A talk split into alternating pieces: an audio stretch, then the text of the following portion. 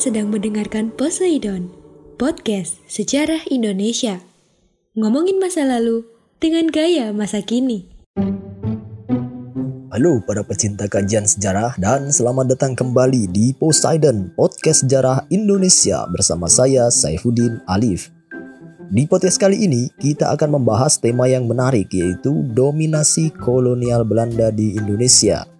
Seperti yang sudah kita ketahui bersama, jika Belanda menjajah Indonesia dari awal abad ke-18 sampai pertengahan abad ke-20, ya prosesnya sih sekitar 300 tahun lah ya. Sepanjang waktu itu tentu Belanda baik secara sengaja maupun tidak pasti menanamkan pengaruhnya kepada rakyat bumi putra ya. Pengaruh yang ditanamkan meliputi berbagai macam aspek kehidupan. Ya mulai dari politik, sosial, ekonomi, kebudayaan, bahkan sampai aspek intelektual. Bagaimana itu bisa terjadi? Yuk kita bahas. Usaha untuk mendominasi rakyat jajahan dimulai sejak awal kedatangan Belanda ke Indonesia dengan memperkenalkan dikotomi barat dan timur. Barat dan timur. Barat itu mana sih? Kalau timur, mana? Ya meskipun secara ontologis dan epistemologis masih bermasalah, tetapi singkatnya Barat adalah Eropa, sementara Timur adalah Asia. Bangsa Barat atau Eropa dipersepsikan sebagai bangsa yang maju, beradab, kaya ilmu pengetahuan, rasional, dan segala hal yang sifatnya unggul dan superior.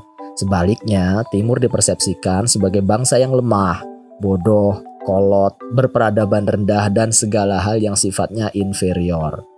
Pandangan dikotomis ini ditanamkan oleh Belanda di Indonesia, ya entah sengaja ataupun tidak ya, sebagai bangsa yang lebih kuat secara militer, merasa punya peradaban yang maju, melihat rakyat Indonesia yang masih belum semaju mereka, ya pasti akan merendahkan. Dengan segala keangkuhannya, Belanda mulai memperkenalkan gaya hidup yang materialis, yaitu kualitas kehidupan yang dinilai hanya dari sisi materi atau benda. Orang beradab harus berpakaian bagus dan rapi, orang terhormat jika punya banyak harta, dan lain sebagainya. Memang, apa yang ditanamkan Belanda tidak sepenuhnya berhasil karena masih banyak rakyat yang tetap memegang teguh pola pikir spiritualis khas masyarakat timur. Tetapi cukup banyak rakyat Indonesia yang juga terpengaruh oleh pola pikir ini. Nah, dominasi kedua adalah dalam bidang ekonomi. Belanda tidak hanya mengeksploitasi sumber daya, baik manusia maupun alam di Indonesia, tetapi juga memasukkan perekonomian Indonesia dalam sistem kapitalisme global yang saling terkait antara satu negara dengan negara yang lain. Nah, masuknya sistem perekonomian tanah jajahan ke dalam sistem kapitalisme global inilah yang menjadi ciri dari kolonialisme di era modern, termasuk yang dilakukan Belanda di Indonesia. Lah, memang ada kolonialisme pramodern? Ya ada, penaklukan-penaklukan yang dilakukan oleh kerajaan-kerajaan besar pada masa yang lalu kayak Romawi, Mongol, dinasti Abbasiyah, Umayyah, Utsmaniyah, dan yang lain kan pada dasarnya kolonialisme juga. Cuma mereka nggak mengubah apa-apa. Cuma hak milik atas tanah aja yang diambil. Nah, kolonialisme modern, ciri yang paling menonjol adalah sistem perekonomian tanah jajahan ikut diubah. Jadi sebelum kedatangan penjajah, tanah jajahan, termasuk Indonesia ya, mereka mandiri secara ekonomi. Mandiri dalam pengertian bahwa perekonomian itu dikelola oleh mereka sendiri. Persoalan Eropa sedang krisis yaitu urusan mereka. Kita di Indonesia nggak ada urusannya. Nah, pola seperti itu berubah ketika Belanda datang dengan memasukkan sistem perekonomian rakyat tanah jajahan ke dalam sistem kapitalisme global dengan memperkenalkan sistem currency atau mata uang. Akibatnya apa? Akibatnya adalah ekonomi antar negara jajahan menjadi saling terkait antara satu dengan yang lain, termasuk Indonesia. Dalam kondisi seperti ini, krisis di negara lain bisa jadi akan mempengaruhi perekonomian di Indonesia. Contohnya adalah krisis ekonomi tahun 1929 atau biasa disebut dengan istilah Malaysia yang terjadi di Amerika ternyata berdampak besar ke seluruh dunia, termasuk Indonesia. Selama ini di sekolah, guru-guru sering bilang bahwa sebelum penjajahan, rakyat Indonesia belum mengenal uang. Penjelasan yang keliru sebetulnya, karena sejak Majapahit, bahkan Mataram dan Sriwijaya, masyarakat kita sudah mengenal uang, terutama dari Cina, yang di Jawa dikenal dengan uang kepeng, uang gobok, dan yang lain sebagainya.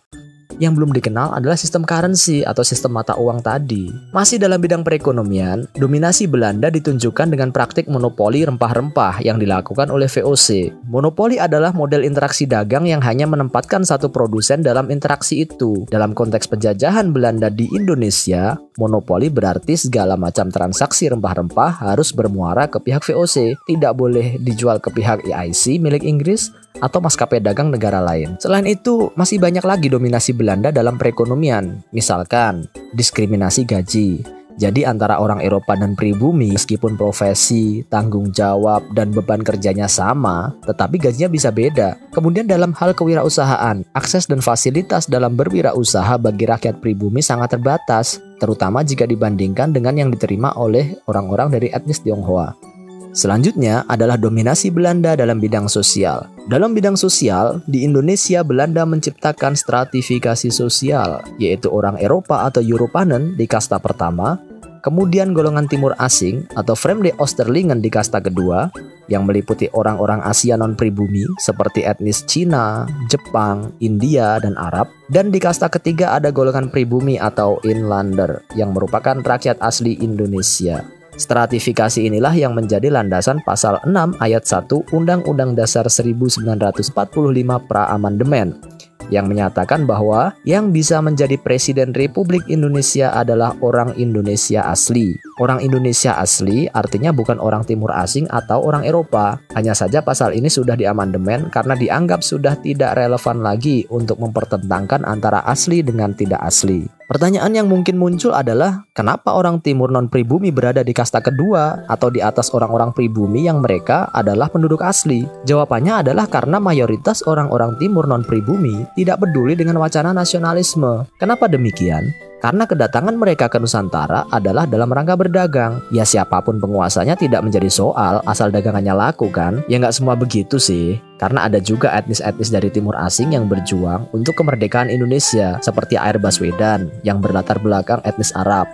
Yap Chuan Bing yang berlatar belakang Tionghoa dan Tede Sindan yang berlatar belakang India. Tapi orang-orang kayak mereka itu kan sedikit banget. Bagian besar dari orang-orang timur asing, nasionalismenya ya nasionalisme uang karena memang kedatangan mereka untuk berdagang, bukan untuk memperjuangkan nasionalisme Indonesia. Oke, selanjutnya dominasi dalam bidang politik. Dalam bidang politik, kerajaan-kerajaan di Nusantara dikebiri secara politik dengan politik pecah belah atau divide et impera yang dilakukan oleh Belanda. Dominasi Belanda dalam bidang politik adalah untuk memperlancar usaha menguasai sektor perekonomian. Jadi saling terkait antara politik dan ekonomi. Dominasi ini terlihat karena Belanda pada dasarnya tidak banyak melakukan kolonialisasi di Indonesia. Maksudnya, Belanda tidak banyak membangun koloni-koloni di Indonesia, kayak komunitas-komunitas masyarakat Belanda gitu. Yang banyak terjadi adalah Belanda melakukan perjanjian-perjanjian yang menyebabkan penguasa lokal menyerahkan wilayah-wilayah kekuasaannya kepada pemerintah kolonial, serta menyerahkan hubungan luar kepada pihak Belanda. Akibatnya apa? Akibatnya terciptalah kemungkinan untuk menarik kawasan-kawasan ini ke dalam kekuasaan Belanda sehingga Belanda dapat melarang adanya arus perdagangan dari kapal asing selain milik pemerintah kolonial Belanda. Dari abad 19 saja ya, terdapat lebih dari 60 perjanjian yang dibuat oleh Belanda dengan kerajaan-kerajaan di Nusantara. Perjanjian-perjanjian ini menyebabkan satu persatu kerajaan Nusantara menyatakan diri tunduk di bawah kekuasaan pemerintah kolonial Belanda. Dan sebenarnya masih banyak lagi dominasi Belanda yang belum kita sampaikan di sini, seperti dalam bidang pendidikan, bidang informasi, ilmu pengetahuan, kebudayaan, dan hukum. Dominasi dan terdominasi ini menghasilkan superioritas kaum penjajah dan inferioritas kaum terjajah pihak penjajah menjadi jumawa dan rakyat terjajah menjadi minder. Kajian tentang dominasi penjajah yang superior dan terdominasinya rakyat jajahan yang inferior ini disebut kajian postkolonialisme. Bagi yang tertarik, bisa belajar lebih lanjut atau berdiskusi dengan kita di forum-forum yang lain. Dan tidak terasa kita sudah di akhir sesi podcast. Sekali lagi kami mengingatkan selalu patuhi protokol kesehatan di masa pandemi ini dengan melakukan 5M, yaitu memakai masker, mencuci tangan dengan air mengalir, menjaga jarak, menjauhi kerumunan, dan mengurangi mobilitas. Tetap sehat, tetap semangat supaya kita bisa belajar bersama dengan tema-tema lain yang tidak kalah menarik. Saya Saifuddin Alif undur diri dan sampai jumpa. Terima kasih.